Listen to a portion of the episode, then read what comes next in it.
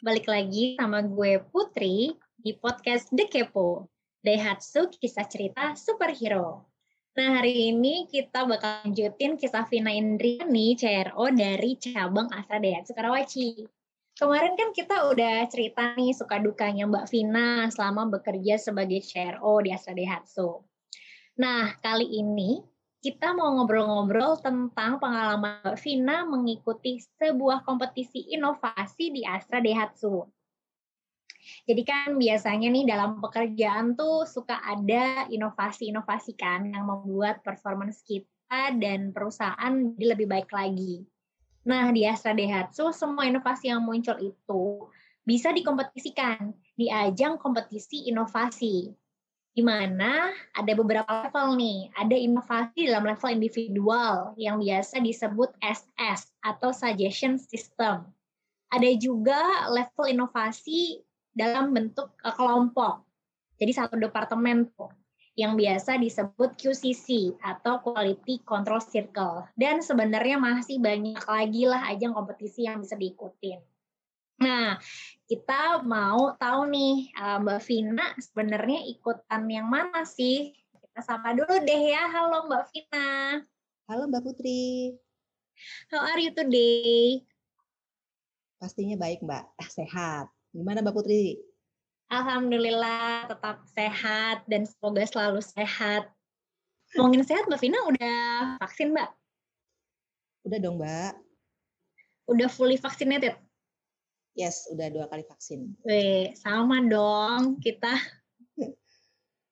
bulan apa waktu itu Mbak terakhir vaksinnya? Uh, vaksinnya terakhir bulan Juni Mbak, sebelum PPKM. Hmm. Oh, sebelum PPKM ya. Nggak lama habis langsung PPKM kita ya. Yes, betul. Tapi tetap jalan tuh vaksin. Iya, semoga selalu sehat deh. Nah, Mbak Vina. Iya. Kita mau lanjut nih pembicaraan kita dari yang sebelumnya tentang suka duka. Nah, aku tuh dengar-dengar Mbak Vina nih pernah ikutan kompetisi inovasi nih di Astra Daihatsu. Iya, benar Mbak. Nah, Mbak Vina ikutan yang mana? Tadi kan ada SS, ada QCC. Kalau SS udah pasti harus ya Mbak ya. Nah, ini yang baru saya yang pada saat itu saya coba adalah QCC. Jadi lebih besar nih ruang lingkupnya. Oh oke, okay. berarti yang tadi quality control circle itu ya? Iya betul. Berarti eh, baru pertama kali ya ceritanya ikutan QCC ini? Saat itu iya mbak, baru pertama kali. Saat itu baru pertama kali. Nah boleh ceritain dulu nggak QCC pertama mbak Vina itu tentang apa? Singkat uh, aja. Oke. Okay. QCC-nya pada saat itu tentang servis Mbak. Jadi inovasi yang dilakukan yaitu meningkatkan unit entry periodical maintenance atau servis berkala Mbak yang bisa kita sebut. Oke, meningkatkan unit entry ya. Ya. Wow, Mbak Vina. Ya berarti kan tadi itu servis banget. Iya. Beda betul. lagi dong sama uh, role Mbak Vina sebagai CRO yang customer relation officer kan berarti lebih ke customer ya. Iya. Nah, kalau boleh tahu nih Mbak, uh, dikit aja biar teman-teman tahu. Ya. Uh, waktu itu yang dilakuin apa Mbak yang terkait dengan uh, tujuan yang meningkatkan unit entry itu? Iya, jadi kan uh, pada saat itu ya Mbak, unit PM yang masuk di cabang Karawaci itu hanya 40 persen, 41 persen dari total unit entry yang masuk. Jadi tim apa tim bengkel di challenge sih mbak sama kepala bengkel uh, bagaimana untuk meningkatkan unit entry pendukung maintenance. Jadi dari 41 persen kalau bisa naik sampai 51 persen gitu mbak. Oh, jadi meningkatkan dari 40 persen menjadi 51 persen. Ya, dari 41 sampai 51 persen. Oh, 51 persen, jadi meningkatkan 10 persen gitu ya? Ya, betul. Gimana Mbak ceritanya bisa ikutan QCC-nya dengan apa tema servis begini, Mbak? ya, saat itu kepala bengkel uh, membuat tim, Mbak, dengan komposisi antar divisi. Nah, kenapa? Ya karena biar saling bersinergi, Mbak. Artinya kita kan setiap anggota memiliki kompetensi di bidangnya masing-masing. Jadi bisa saling melengkapi. Meskipun uh, tema yang diambil lebih condong ke servis ya, Mbak ya. Hmm. Uh, terus ya jujur sih nggak kebayang mbak mau ngapain dan harus ngapain di awal-awal. Tapi karena di satu tim saya ada ketuanya adalah service advisor di tempat kami, jadi saya agak sedikit tenang. Artinya kan pasti kita akan diajarin nih mbak prosesnya bagaimana, gitu. Hmm. Oke, okay. berarti waktu itu berapa orang mbak satu tim? SA, SRO, counter sales, sales, CRO, vendor. 6, 6 orang kalau nggak salah Mbak. 6 atau 7 orang gitu Mbak. Hmm, oke. Okay. Nah, selama proses QCC itu dari awal sampai akhirnya selesai ada tantangan apa Mbak? Tantangannya banyak sih Mbak. Ah, uh, boleh Mbak satu-satu Mbak. ya secara garis besar aja ya Mbak ya. ya. Uh, di tengah proses itu ada kejadian-kejadian yang tidak terduga seperti misalnya nih Mbak anggota ada yang nggak hadir ya kan karena alasan pekerjaan. Ya kita uh, tidak masalah sih Mbak yang penting ada informasi jadi kita nggak nunggu-nunggu ya Mbak pada saat meeting. Terus nah kebetulan lagi pada saat itu ketua tim kami juga lagi ada persiapan pernikahan Mbak. Nah hmm. jadi pertengahan jalan itu jadi nggak fokus lah intinya gitu.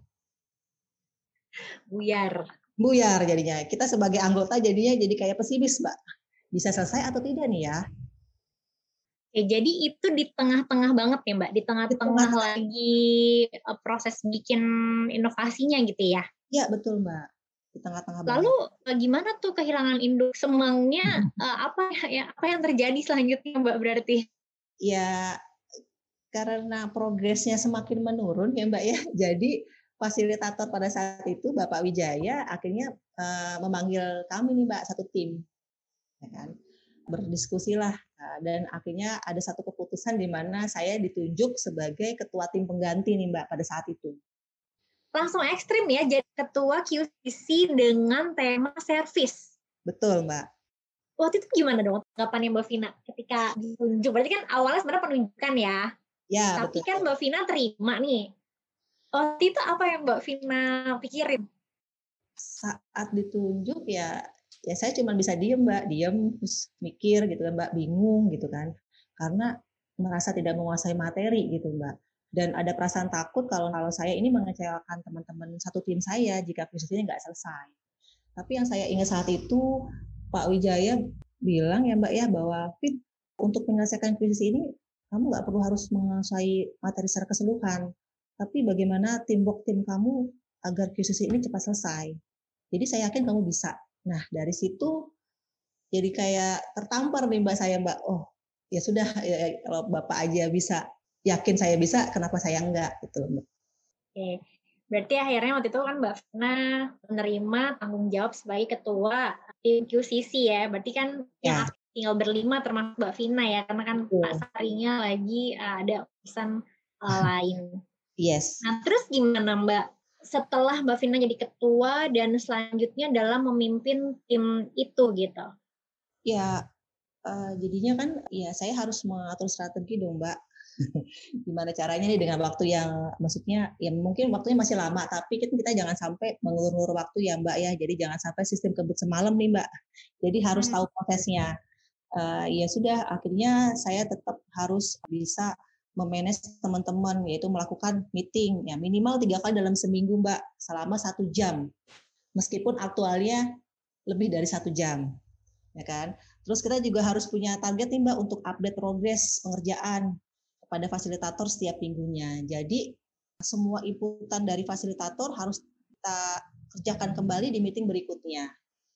Ketiga hal tadi ya harus dilakukan secara terus menerus mbak sampai pekerjaan skripsi selesai. Itu sih mbak kalau boleh tahu nih Mbak, uh, sebelumnya kan ketuanya Pak Sahri, jadi kan beliau memang uh, orang servis gitu ya, jadi bisa dibilang menguasai terkait dengan servis dan uh, memang dari awal sudah memimpin tim ini.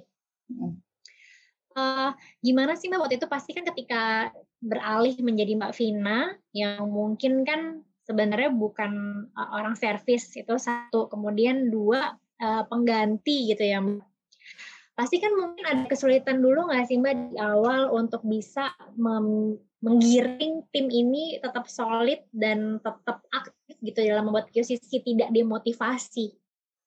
Ada nggak sih Mbak kesulitan itu sebelumnya dan apa yang Mbak Vina lakukan untuk menghadapi jika ada tantangan itu gitu? Iya Mbak, saat itu uh, sebelum Sahri atau sebelum saya akhirnya terpilih menjadi ketua tim pengganti, Sahri sudah atau ketua yang sebelumnya sudah menjelaskan Mbak secara global bagaimana pengerjaan QCC, langkah-langkahnya seperti apa, itu sudah dijelaskan di awal. Ya kurang lebih saya dan anggota ada gambaran gitu Mbak, mau ngapain gitu loh Mbak. Cuman mungkin kan yang lebih yang sulitnya adalah data-data yang perlu yang kita perlukan untuk membuat QCC tersebut, ya kan? Data-data itu kan hanya di bagian servis nih Mbak yang punya gitu kan Mbak. Nah, dari situ saya selalu uh, membuat atau membagi pekerjaan kepada semua anggota. Jadi semua tuh punya bagian masing-masing, Mbak. Jadi ada kesibukan lah, Mbak. Jadi merasa jadi kayak dibutuhkan gitu loh, Mbak. Jadi jangan sampai mentang-mentang cuma kita atau dua orang yang tahu, jadi kita ngobrol cuma berdua aja gitu enggak sih, Mbak. Hmm. Jadi Mbak Vina selalu mengajak satu tim lah untuk meeting dan berdiskusi gitu ya. Iya, betul, Mbak. Nah, waktu itu gimana Mbak ketika uh, apa namanya ada tantangan apa sih? Misalnya nih ternyata susah ngumpulin teman-teman buat ngumpul nanti tiga kali seminggu, hmm. atau atau ternyata ada kendala dalam mencari data, ada nggak sih Mbak? Kalau tantangan untuk proses pengerjaannya sih atau kesulitannya sih tidak ada ya Mbak karena alhamdulillahnya nih Mbak pada saat kita meeting, saya dan anggota pun lebih banyak bisanya. Kalaupun tidak ada yang bisa, paling satu dua. Kan Mbak, jadi kayak kita nggak boleh loss sama sekali nggak ada yang meeting gitu loh. Jadi harus ada gitu Mbak. Terus kebetulan juga kita kan kalau meeting bareng juga dengan kelima tim yang lain Mbak. Jadi meskipun beda tempat tapi di satu cabang kan Mbak. Artinya pada saat saya kesulitan di A, saya bisa langsung ke tim yang lain untuk menanyakan gitu Mbak.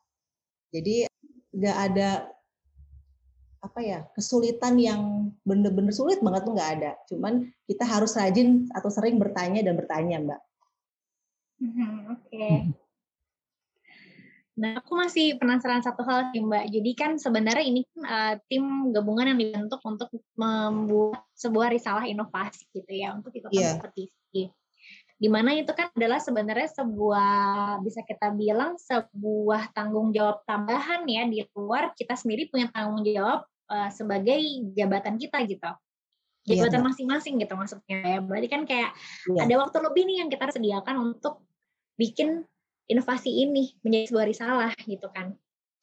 Nah kalau aku pribadi nih mbak kadang kan merasakan kesulitan nih untuk mencoba untuk memimpin dan menyatukan lah visi misi tim dari yang beda-beda role-nya gitu ya. Dan juga tim yang sebenarnya punya kerjaan utamanya dia gitu Nah, apa waktu itu yang terjadi sehingga tim Bafna itu tetap bisa ya udah solid-solid aja untuk kumpul? Oh ya kumpul nggak ada yang kesulitan. Kemudian uh, dalam gather data oh ya semuanya kasih apa gitu. Mbak ada nggak sih uh, tips and triknya sehingga timnya tuh bisa solid untuk ngejalanin case ini gitu? Iya mbak. Yang saya bangun saat itu ya mbak ya uh, untuk anggota adalah bagi tadi membuat mereka merasa dibutuhkan gitu. Jadi tidak ada condong bahwa si A yang lebih pinter nih daripada si B itu nggak ada. Jadi kita sama-sama belajar karena memang di tim saya ini memang semuanya adalah pemula semua Mbak kecuali Sahri ya Mbak ya. Hmm. kecuali Sahri. Jadi ya itu tadi dan saya juga selalu infokan ke teman-teman tolong kalau memang ada yang ingin tanyakan silakan gitu loh. Kalaupun saya tidak bisa menjawab ya meskipun saya sendiri sebagai ketua tidak tahu jawabannya atas pertanyaan teman-teman pun kita masih bisa tanya ke fasilitator atau teman-teman tim lain gitu loh Mbak. Oke. Nah kalau boleh tahu Mbak, gimana sih cara membuat tim Bovina merasa dibutuhkan? Apa yang dilakukan gitu? Sebenarnya sih hal-hal kecil Mbak. Contoh, jadi ada satu orang hari ini tugasnya adalah sebagai seksi konsumsi. Hmm. Jadi tugas dia menyiapkan snack nih untuk meeting hari ini atau mungkin uh, ada satu orang yang terlambat nih Mbak. Jadi tetap kita kasih punishment Mbak. Oh, dia suruh bikin misalnya kopi atau teh seperti itu sih Mbak. Jadi semuanya istilahnya punya tugas yang clear lah. Jadi Mbak Vina pokoknya ya. setiap orang ada tugas yang clear. Ya. Even uh, untuk uh, snack pun dibagi gitu tugasnya bahwa oh ya orang ini snack gitu ya. Betul, karena kan Oke, jadi nggak ada yang ngerasa gabut lah ya. Iya, bener Mbak. Oke, oke. Nah, kemudian Mbak, berarti akhirnya selesai dong ya risalahnya? Ya. Nah, kalau boleh tahu Mbak, tadi berarti kan di luar tim Mbak Vina, Mbak Vina bilang kalau meeting itu bareng sama lima tim lainnya. Berarti dalam satu cabang tuh ada lima berbeda yang ikutan QCC ya? Iya, betul. Nah, berarti tadi kalau Mbak Vina bilang minta-minta data itu, data itu berarti disupport oleh teman-teman di tim lain gitu ya? Iya. Oke. Nah, terus uh, kalau sama fasilitator tadi kan Pak Wijaya, itu berarti ada meeting rutin juga? Ada Mbak, setiap minggu Mbak, kita dikasih waktu sekitar 45 menit untuk update progres pekerjaan pengerjaan sebelumnya. Hmm, oke. Okay. Nah, kalau aku dengerin Mbak, tadi kan Mbak Vina cerita ketuanya uh, Pak Sahri ada halangan. Nah, kalau nggak kayaknya ada sesuatu juga nih sama fasilitator. Oh, iya iya benar-benar Mbak. Jadi pada saat di akhir-akhir QCC, Pak Wijaya kebetulan ditugaskan di Bekasi Narogong ya kalau nggak salah pada saat itu. Hmm. Iya iya, jadi agak sedikit sulit sih Mbak pada saat di finalisasinya gitu loh. Tapi tetap komunikasi by phone atau by email tetap kita lakukan Mbak. Jadi biar lebih maksimal gitu loh Mbak. Berarti waktu uh, Pak Wijayanya pindah, fasilitatornya pindah dong ya sebenarnya. Itu meetingnya gimana dong Mbak? Kan uh, apakah memang hanya by phone aja atau sebenarnya nyempetin buat don't know mungkin ketemu gimana caranya? Pada saat itu hanya ketemu sekali pada saat mau persiapan presentasi Mbak, karena kita masuk 20 besar. Tapi hmm. sebelumnya kita hanya by phone atau by email Mbak untuk komunikasinya. Hmm, arrange uh, buat ketemu juga ya sekali untuk presentasi akhir ya? Iya, karena beliau sendiri uh, menginginkan untuk semua tim bisa bisa beliau lihat juga Mbak, apakah papernya masih ada yang kurang atau cara kita presentasinya hmm ada yang salah itu kan juga harus berlatih ya Mbak ya karena kan pakai waktu yeah. saat presentasi QCC. Hmm. Oh berarti sebenarnya cukup bertubi juga ya Mbak. Pertama uh, kehilangan ketua, terus Mbak Vina yeah. harus menjadi ketua. Tapi saat itu kan mungkin masih ada fasilitator untuk bisa yeah. membimbing Mbak Vina gimana. Eh ternyata di akhir-akhir yeah. fasilitatornya dipindah tugas. Jadilah sebenarnya kalau bisa dibilang di cabang itu tinggal Mbak Vina dan tim gitu ya. Iya betul. Tapi alhamdulillah jadi ya QCC-nya ya. Alhamdulillah Mbak masuk 20 besar. Oh, wow, boleh dong tepuk tangan dulu. Jadi dari tadi yang sebenarnya tiba-tiba Mbak Vina ikutan servis, kemudian fasilitatornya juga pindah, QCC-nya akhirnya masuk 20 besar. Iya. Tahun berapa itu Mbak? 2016. 2016. Iya. Nah, berarti present ke 20 besar itu presentasi kan ya? Betul, Mbak. presentasi ke juri QCC ya? Yes, betul. Mbak Vina yang presentasi dong? Saya berdua sama Sahri, Mbak. Hmm, oke. Okay. Akhirnya ada kembali, tapi untuk iya. presentasi ya. bareng ya? Iya. Ada masih perasaan kurang percaya diri, Mbak, kalau sendiri presentasinya. tapi sekarang udah dong. Iya, lumayan lah, Mbak. Nah, dengan hasil 20 besar tadi, perasaan Mbak Vina gimana? Mbak Vina puas nggak? Dengan jelas baliknya ya Mbak ya, ya ada perasaan puas, iya, meskipun hanya masuk 20 besar pada saat itu ya Mbak ya, karena kita juga benar-benar istilahnya tergopoh-gopoh lah ya kan Mbak ya, karena memang benar kehilangan induk nih Mbak pada saat itu. Namun kan dalam berinovasi kan kita tidak boleh berhenti dan merasa puas Mbak di situ saja. Jadi dengan prosesnya itu apalagi pertama kali loh Mbak ikutan QCC di 20 besar ada kepuasan Uh, cuman memang inovasi tidak boleh berhenti. Hmm. Nah, Mbak Vina, dari uh, perjuangan dan pengalaman ikut QCC tadi itu hmm. apa sih uh, insight yang Mbak Vina dapatkan yang mengembangkan diri Mbak Vina? Insight yang saya dapat saat itu ya Mbak ya yang saya rasakan saat itu sampai sekarang bahwa kita tuh harus optimis Mbak dan percaya diri dalam menghadapi situasi apa pun seberapa sulit permasalahannya, ya kita harus berjuang dan pantang menyerah hingga kita dapat menyelesaikan dengan baik, Mbak. Oke, wah luar biasa sekali Mbak Vina. Thank you so much buat hari ini. Kalau aku nih boleh rangkum sedikit yeah. dari cerita inovasinya Mbak Vina yang nggak biasa ini ternyata pengalamannya adalah yang paling pertama itu inovasi tidak boleh berhenti. Nah yang iya. kedua adalah optimis ya. Tadi ya iyalah aku dengar banget Mbak Vina bukan orang servis, kemudian posisinya servis bukan hanya ngerjain doang jadi ketua lagi. Gimana nggak optimis? kemudian yang ketiga percaya diri dan uh, yang terakhir adalah pantang menyerah. Oke, thank you Mbak Vina buat kesempatan sharingnya bisa dapat dua episode dan sangat menginspirasi. Uh, semoga kita bisa ada kesempatan lain buat ketemu dan sharing hal lainnya. Iya Mbak Putri, semoga ya Mbak ya. iya, thank you Mbak Vina, sehat selalu. Sama-sama Mbak Putri, saya selalu juga ya Mbak. Oke, nah sahabat Kepo, thank you ya yang udah dengerin obrolan kita hari ini. Semoga kisah dari superhero kita, Mbak Vina Indriani, bisa menginspirasi teman-teman sahabat Kepo semuanya. Nah, jangan lupa untuk terus stay tune dan follow Spotify kita, The Kepo, dan juga follow Instagram kita, at astradaihatsu underscore career, karena kita akan temenin sahabat kepo dengan berbagai kisah inspiratif superhero Daihatsu lainnya. Bye-bye!